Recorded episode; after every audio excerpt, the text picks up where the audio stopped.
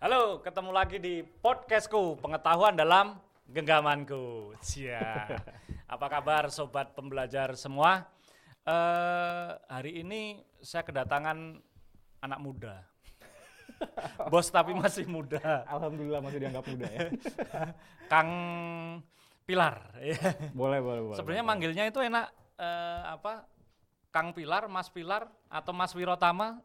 Saya kayaknya lebih sering dipanggilnya Mas kali ya. Jadi Oh, Mas. Mas Padahal orang Sundanya. lahir di Bandung, tapi Mhm. orang tua sebetulnya Jawa. Oh, Jawa. Ah, ah. Oh. Jadi saya kadang suka bingung kalau ditanya asli dari mana. Saya mikir dulu Oh. berdasarkan darah atau berdasarkan ke hari atau lokasi lahir gitu. Iya, iya, Itu iya, kadang-kadang iya. saya suka Ah, bingung di oke. situ. Soalnya Instagramnya Wirotama. Wirotama karena Pilar waktu itu udah ada yang ngambil. Oh gitu. Wirotama Keduluan. belum ada, jadi saya ambil yang itu aja. Wirotomo itu kalau bahasa itu salah satu prajurit di Keraton Jogja. Wah ini menarik ya. Saya Soalnya kalau Wirotama itu orang tua ngasih itu karena lapangan tempat ayah kerja di Mhm. Pusenif Iya. itu namanya lapangan Wirotama. Oh. Baru gitu. diresmikan nggak lama setelah saya lahir. Jadi Oh gitu gitu. biar gampang namanya itu aja. deh. Saya pikir filosofinya ada filosofi. Jawanya di bawah. Ya. Oke ada, ya, sobat pembelajar, eh, Mas Pilar ini salah satu yang apa eh, orang yang bertanggung jawab masalah apa ya eh, kehumasan sosial media mungkin di Salah satunya sosial media. ya salah di BPPK ya di BPPK Kementerian Keuangan. Jadi eh, dalam banyak hal kemajuan sosial media terutama di BPPK itu ya dari apa dari kiprah eh, apa Mas yang masih muda ini bersama tim tentunya. bersama tim gitu kan keren-keren loh saya masih banyak belajar public speaking kembali mengingat itu ngelihat eh, apa eh, Bro Dodi itu wah, Iya.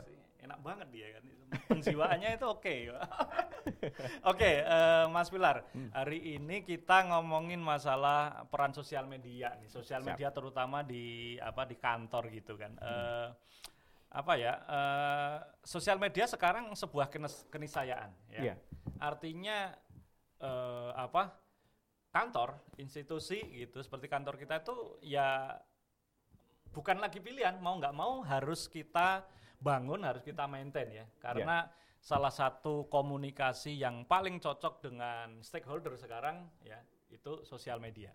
Betul. Nah, gimana itu eh, apa kalau pengembangan sosial media atau sosial media itu sendiri dihubungkan dengan kehumasan di apa di kantor eh, di perkantoran instansi pemerintah khususnya nanti di BPPK. Iya. Jadi kan kalau badan publik itu Hmm. memang dia punya uh, kewajiban untuk terus berkomunikasi. Yes. Dia harus terus membangun uh, trust dengan para publiknya Yes. gitu ya, di bidang apa pun gitu. Nah, kalau di sisi kehumasan berarti untuk bisa berkomunikasi dengan uh, publik tersebut, kita harus manfaatkan berbagai macam media. Betul. Medianya tentunya harus relevan Iya. sesuai dengan perkembangan zaman gitu Iya. loh. Kalau kita hanya mengandalkan artikel di koran, kita lihat generasi sekarang Iya. kalau Pak Gatot masih baca koran. Saya masih baca koran, Pak. Zaman dulu tuh Pegang koran. masih masih ngerasain gitu Iya, iya. pagi-pagi eh, ada koran datang dibuka tuh masih masih Saya tuh ngerasain. ya. Sabtu Minggu aja saya sekarang. Sabtu minggu aja. Itu pun karena kangen megang kertasnya itu. Pegang kertas ya, ada rasa yang nggak bisa hilang Iya. ya. Tapi kalau kita lihat lagi kan sekarang publik itu banyak yang generasi milenial bahkan yang lebih Iya. aw- uh, lebih muda daripada milenial itu mungkin udah nggak pernah pegang Iya. koran lagi. Di Kementerian Keuangan aja kalau nggak salah kemarin 70% ya. Proporsinya ya. Karyawan kita itu sudah eh, apa generasi milenial YZ gitu. Nah itu lalu lalu apa lalu apakah masih relevan kalau kita masih memanfaatkan media-media konvensional? Iya, nah iya. media sosial ini salah satu media yang uh, digemari gitu Betul. ya, Uh, lagi in sampai sekarang masih lagi in gitu. Dan nah terus berkembang ya. terus berkembang, uh, platformnya macam-macam, Platformnya nambah terus. modelnya macam-macam Iya. gitu kan.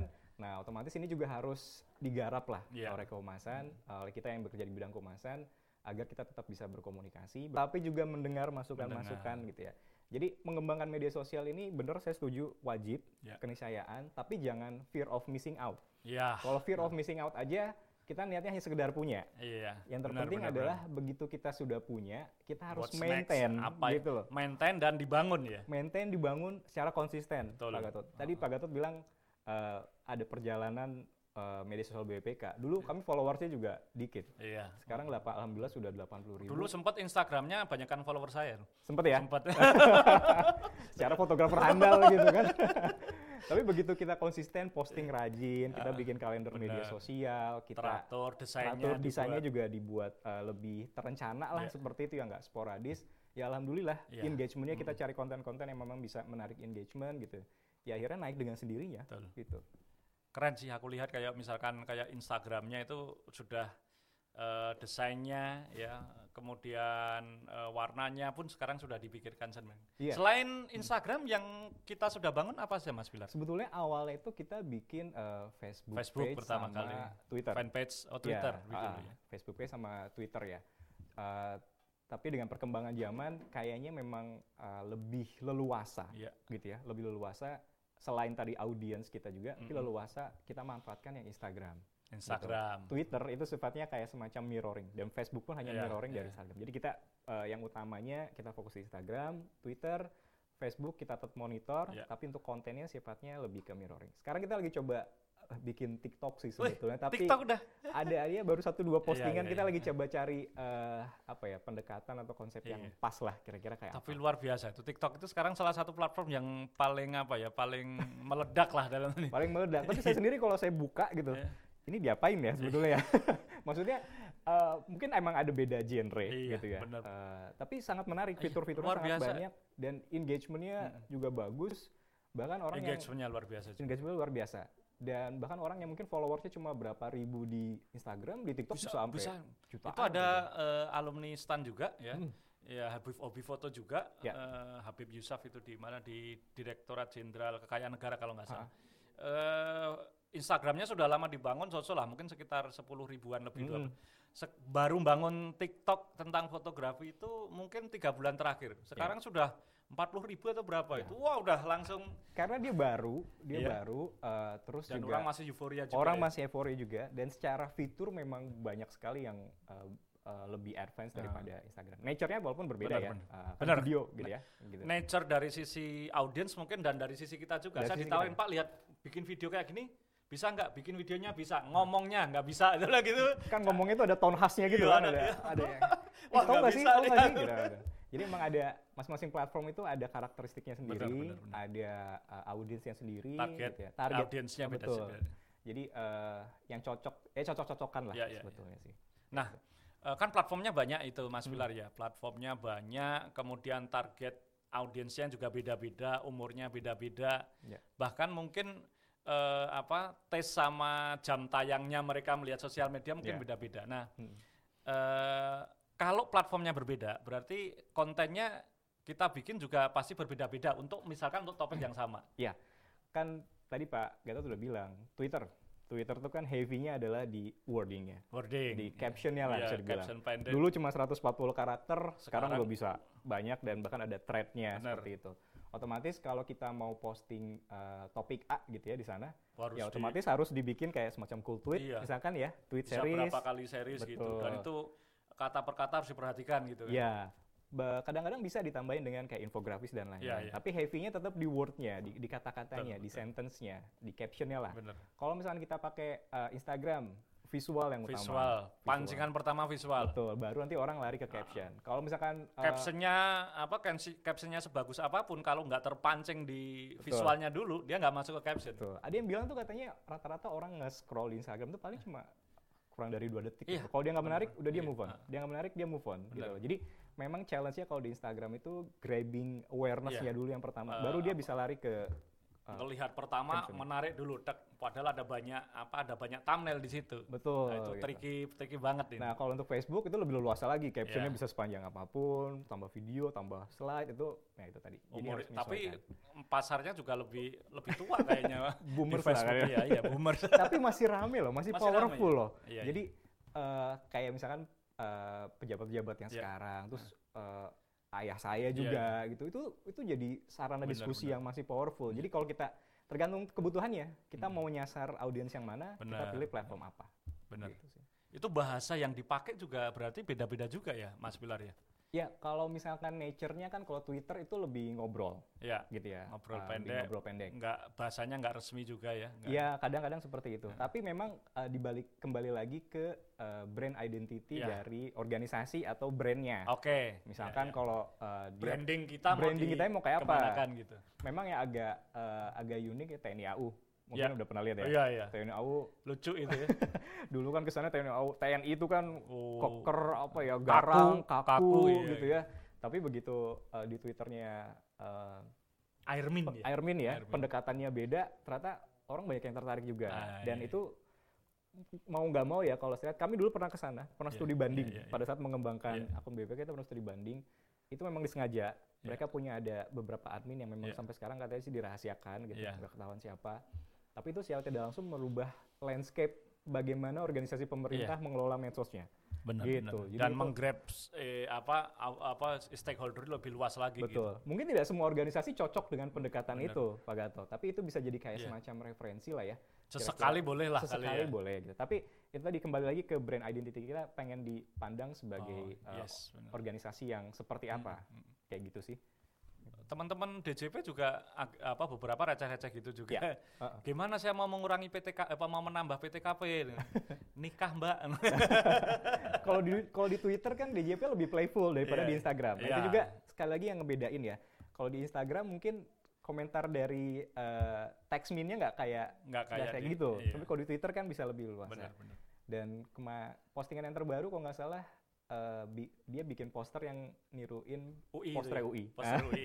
Itu apa? Reading the wave ya. Iya, itu Reading juga salah satu best practice ya. eh, bikin konten itu kita bisa eh, riding the wave, Iya. tap in ke yang lagi viral, disesuaikan dengan eh, konten atau message, message yang kita ingin sampaikan. BPPK kayak sesekali pernah itu juga saya Pernah waktu itu kita yang agak rame itu yang kita remake eh, posternya nanti kita cerita tentang hari ini tuh. lihat. Oh iya. itu kan ada orang-orang berjejer Iya. gitu ya. Uh, tapi kalau nanti kita cerita tentang hari ini kan cuma NTKCHI ya. Iya. Nah, cuma ini kita bikin lucu, kita bikin Ininya kalimatnya panjang, gitu Oh, loh. Orang apa? Oh, oh, gitu. Dan itu lumayan, lumayan rame waktu itu. Lumayan rame juga karena momentumnya pas Iya. gitu ya. Uh, eksekusinya juga oke. Paling itu dadakan bikinnya. Iya. Ya memang biasanya kayak gitu ya dadakan dan kita harus cepat geraknya Betul. itu kan. Kalau misalkan lewat sehari dua hari udah Hmm. feel-nya udah beda. Teman-teman yang back end-nya di sana yang desainernya juga harus siap juga itu. Harus siap, harus siap juga kayak gitu. Itu medsos lah kayak Benar-benar. 24/7 Nah, kan bisa dibilang. Iya.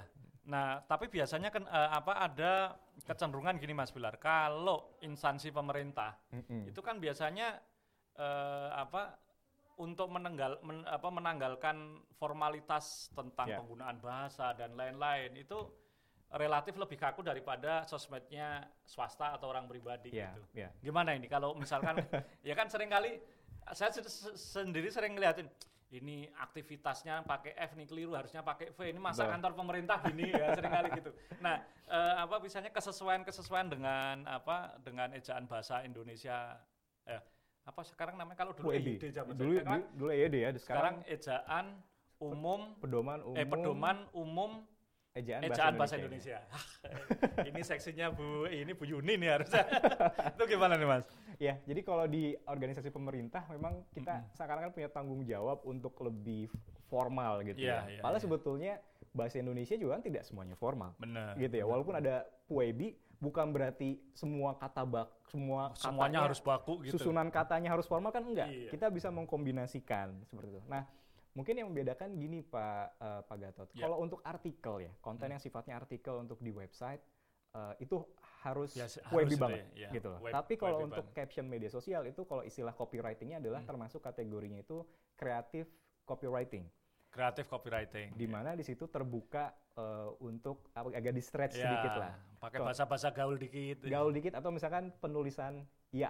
Kalau Ya. di bakunya kan hanya Y dan A. Ya. Cuma kan ya. kadang kalau di media sosial itu kita ya Iya, iya. agak panjang Iya. gitu, misalkan ditambah, Ya enggak sih. nah ya nggak sih gitu ya. Eh, terus kalau misalkan kebetulan ada kata yang lagi hits gitu, Iya. walaupun itu belum ada di KBBI gitu ya, Dipakai, tapi bisa tanda- dipakai Iya. gitu kan. Tapi mungkin kasih, eh, tapi dalam konteks yang tepat. Iya. Gitu. Jadi kalau di artikel website itu udah harus puebi, cuma Iya. kalau untuk di caption media sosial gitu ya, eh, itu sebetulnya Twitter, termasuk Instagram, Twitter, lah ya. Instagram itu termasuk creative copywriting. Jadi Oke. masih bisa di stretch. Gitu. Keren, keren.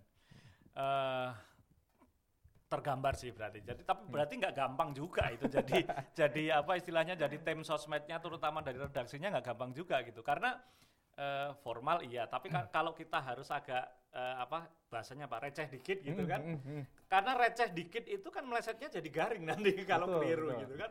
Menjaga nggak garing itu biasanya gimana, Mas? Iya, jadi kalau di eh, kalau di kami ya kita punya satu namanya editorial plan atau kalender medsosnya lah. Mm. Jadi di satu bulan itu sebetulnya sudah dipikirkan. Mm-mm. Jadi konten-konten Oh, yang jadi sudah kayak ada persiapan gitu. ada ya? persiapannya, tapi kami pun juga open kalau misalkan Kalau ada hal-hal baru yang viral, yang viral, nah itu bisa di tap in, bisa di tap in Oke. gitu ya.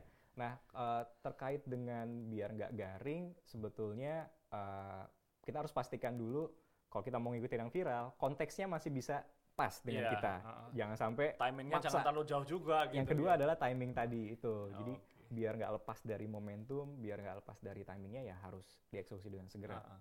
Kayak gitu sih. Asik juga harus harus mobile dan harus muda itu kalau itu. Saya sendiri punya ide, wah kayaknya begini, udah keduluan anak muda. Intinya sih harus harus update kalau Iya, di media iya, sosial benar, karena benar, benar. ya itu tadi ya. Ah, Memang kita nggak bisa ngeklaim, wah yang pertama gua atau yang ini, tapi setidaknya kita harus Iya, update. Oh ada inspirasi yang bagus, Mm-mm. eh, ya kita bisa coba Iya. eh, terapin di konsep kita sesuai dengan message yang kita sampaikan iya. gitu. kalau ya namanya sosial media kan juga perlu eh, apa kayak semacam perencanaan atau gimana caranya ini agar konten kita nanti bisa apa ya bisa dilihat orang atau Mm-mm. diperhatikan orang ya. Sekarang kan harusnya udah nggak zamannya lagi nih kayak dulu nih. Ini Pusdiklat KU followernya biar banyak semua pegawai dan yang ikut dikat harus follow. kan bukan zamannya gitu lagi dong. Sekarang Iya, iya. zamannya konten kita harus menarik. Iya. Nah, untuk membuat konten menarik biasanya perlu apa ya? Perlu perencanaan yang matang seperti tadi diceritakan ya. Cuma biasanya juga sebelum tayang ini sudah ada apa ya? Ini nanti gimana cara apa? Cara meneserkan misalkan apa? Pakai eh, apa peran-peran atau fungsi-fungsi teaser itu di kita digunakan juga nggak sih? Oke, kalau untuk yang eh, teaser itu biasanya kita gunakan eh, kan teaser itu kayak ngasih apa ya? Ngasih Preview. intro ya, preview Iya, lah ya. preview. Preview gitu ya. Untuk beberapa hal misalkan kalau untuk misalkan ada event, Iya. kalau misalkan ada eh, produk yang baru kita luncurin Hmm. gitu. Biasanya memang eh, teaser-teaser itu akan dimainkan. Betul. Misalkan Hamin satu ada apa, Iya, bikin iya. orang penasaran Benar, benar, seperti itu kan. Eh, itu memang dipakai juga. Tapi kalau bisa bicara konten yang menarik ya, Heeh. sebetulnya kita harus yang audience oriented. Betul. Pertama kita Contohnya nyasar, contohnya misalkan kita boleh milih konten yang eh, menyasar logika mereka. Oke. Gitu, misalkan penerimaan pajak sekian, belanja kita harus sekian. Sekian. Otomatis kan kita harus mencari pembiayaan. Iya. Nah itu nyentuh Dari logika, mana gitu, gitu, kan? ya. Itu nyentuh logika. Iya, iya, iya. Ada juga yang customer orient atau yang audience oriented itu yang Mm-mm. menyentuh eh, emosinya. Betul. Misalkan eh, ketimpangan sosial dengan lagu yang Dengan lagu atau dengan visual, Visual, yang, betul. yang apa eh, menohok gitu kan. Iya, jadi konten dikatakan menarik tuh kalau misalkan eh, dia menyasar, kita boleh pilih salah satu Hmm, hmm, sebetulnya. hmm, iya, Kira-kira iya, iya. mana yang konteksnya pas? Apakah saat ini tepat pakai dengan pendekatan logika, emosi, atau sesuai kebutuhan? Iya.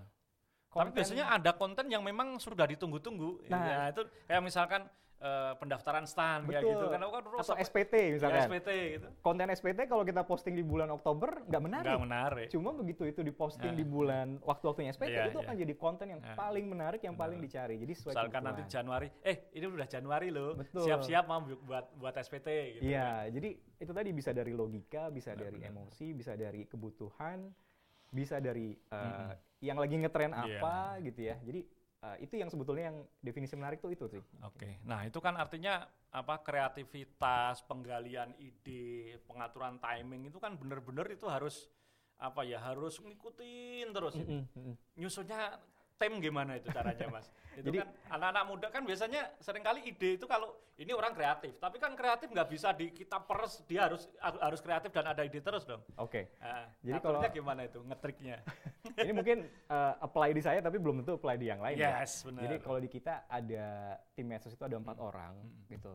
Yang perlu saya lakukan ya, atau yang selama kita lakukan adalah kita sepakati dulu sebetulnya uh, di medsos kita ini Mm-mm. uh, uh, brand brandingnya seperti apa atau persona yang ingin dibentuk seperti Iya, apa iya. apakah mau yang receh banget kayak Hmm. eh, Airmin Mm. atau yang seperti apa nah itu kita tentukan dulu terus yang kedua kita bikin konten planningnya itu dalam Betul. kalender media sosial Oh, gitu. Dibuat Iya. rencana gitu kan. Senin itu terus rubrik-rubriknya apa Oh. nah rubrik ya, ini juga rubrikasi, Pi. rubrikasi Iya, sebetulnya benar, benar, benar. rubrik ini juga nggak boleh yang orientasinya kita aja Benar. misalkan kita seminggu full cerita kegiatan kita Iya. aja loh relevansinya buat audiens apa gitu. Iya. makanya kadang-kadang kita Apalagi bagi dengan foto-foto yang formal banget. Formal, itu. pembukaan, Orang salaman, penutupan. pembukaan, mukul gong. iya kayak gitu pita. masih ada yang pukul gong ya kayak pukul gongnya virtual loh sekarang nah jadi kita bagi-bagi tuh uh, Nah. ada teori yang bilang uh, 20% eh tiga dibagi tiga lah sebetulnya cerita tentang diri kita, Jadi kita terus kita uh, kasih tips juga tips sama buat yang ya. lain yang yang satu lagi sepertiga lagi ada engagement Oke, Gitu. engagement itu kayak apa ya? kita bikin ya. quiz Wah, gitu ya atau misalkan kita bikin tebak-tebakan gitu atau Iya, kita yang benar. memancing komentar gimana Jadi pendapat selama kamu satu minggu itu kita jaga hubungannya dengan apa follower atau dengan audiens kita itu eh, apa ya ada yang ditunggu gitu, Iya, nggak gitu. monoton gitu. Betul, kan. jadi nggak hanya ngomong kita Oke. aja. Nah kalau masalah proses kreatifnya, Mm-mm. sebetulnya kalau saya eh, tipikal yang eh, melepaskan tim. Hmm. Jadi oke, yang Lepas penting kita udah dulu. sepakati nih, Ah. gitu loh. Eksekusi realnya, Mm-mm. coba didiskusikan aja. Oke. eh, lihat tren-tren yang ada. Paling ntar saya tinggal lihat hasilnya di di Oke. apa di medsosnya. Mm. Tentu kalau misalkan ada yang perlu saya koreksi akan saya koreksi seperti itu sih. Gaya anak muda, gaya istilahnya apa ya? Gaya yang eh, bekerja sama dengan anak muda kayak gitu Betul, ya. Mereka betul. kalau terlalu di Kalau saya masuk lo- diskusi pada diam-diam semua gitu. Nah, Jadi tapi biasanya eh, un- yang menjaga apa yang menjaga eh, tujuan dari Hmm. konten nanti akan tetap tercapai kan biasanya tetap tetap yang Tetap. eh, tetap bosnya lah ya. Iya, iya. Nah, hmm. eh, sosial media kan hubungannya nanti ke apa ke arah bagaimana kita bisa berkomunikasi, bukan hanya berkomunikasi, kita juga mempersuasi audiens juga. Nah, bi- teknik-teknik gitu biasanya kalau di BPPK sendiri, Mas Pilar gimana menerapkannya? Konten oke kreatif, ini kreatif, tapi jangan lupa yo, ini ini untuk komunikasi atau memperfusi tujuan kita apa? Betul. Gitu. Jadi kan, Kan se- sebelum Ya itu itu biar biar tetap biar tetap kena biasanya anak yang anak-anak kreatif bikin kontennya keren lupa di situnya itu Iya. lupa persuasinya gitu gimana Makanya sebetulnya kalau kita nyusun uh, konten media sosial tuh mirip kayak yang digunakan di periklanan. Ada teorinya tuh uh, A- AIDA. Aida Mungkin Pak Gatot tahu ya. Iya, Jadi pertama dia awareness dulu atau Awareness, attentionnya, iya. terus interestnya, Interest. desire-nya, dan yang terakhir nih ya actionnya. action Nah otomatis pada saat kita bikin konten itu, kita harus pastikan konten kita bisa menang dari pertempuran Iya. mendapat awareness-nya. Iya, iya.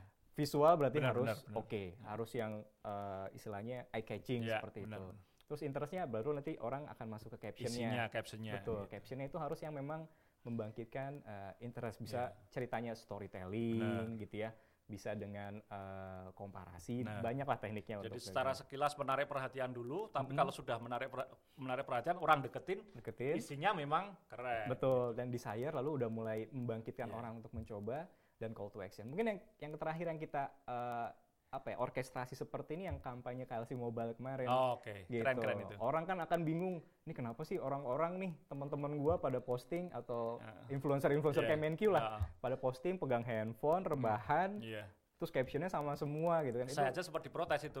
gitu. Padahal kan sengaja aku nggak bikin duluan, nanti kirain ikut lomba. gitu. Nah.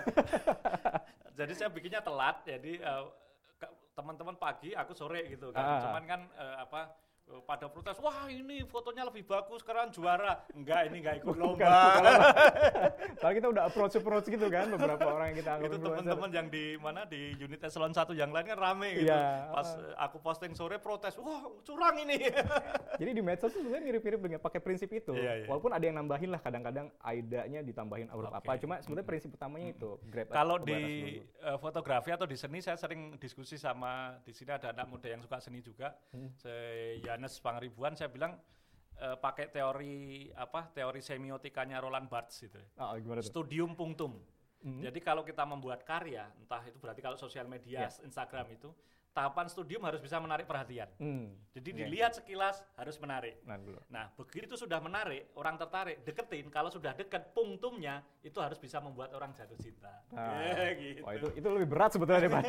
Sama sebenarnya sama Aida gitu kan. Kalau Aida kan call to action berarti yuk download. Nah, jadi ada di akhirnya setelah gue lihat postingan ini tuh apa yang harus gue lakuin, apa yang diharapkan Ya, sebetulnya. ya, Oh, ya yuk download gitu. Dan kemarin cukup oke juga. Kita dari waktu campaign kurang lebih seminggu tuh ada 3000 download baru di KLC. kasih mobile. Iya, gitu dan Kayaknya perlu di ini juga perlu di apa? Perlu ada secara reguler nanti di Repetisi kali ya? Ah, ah, Ah. dibikin apa tadi engagement juga. Engagement, iya, Ah, iya. gitu.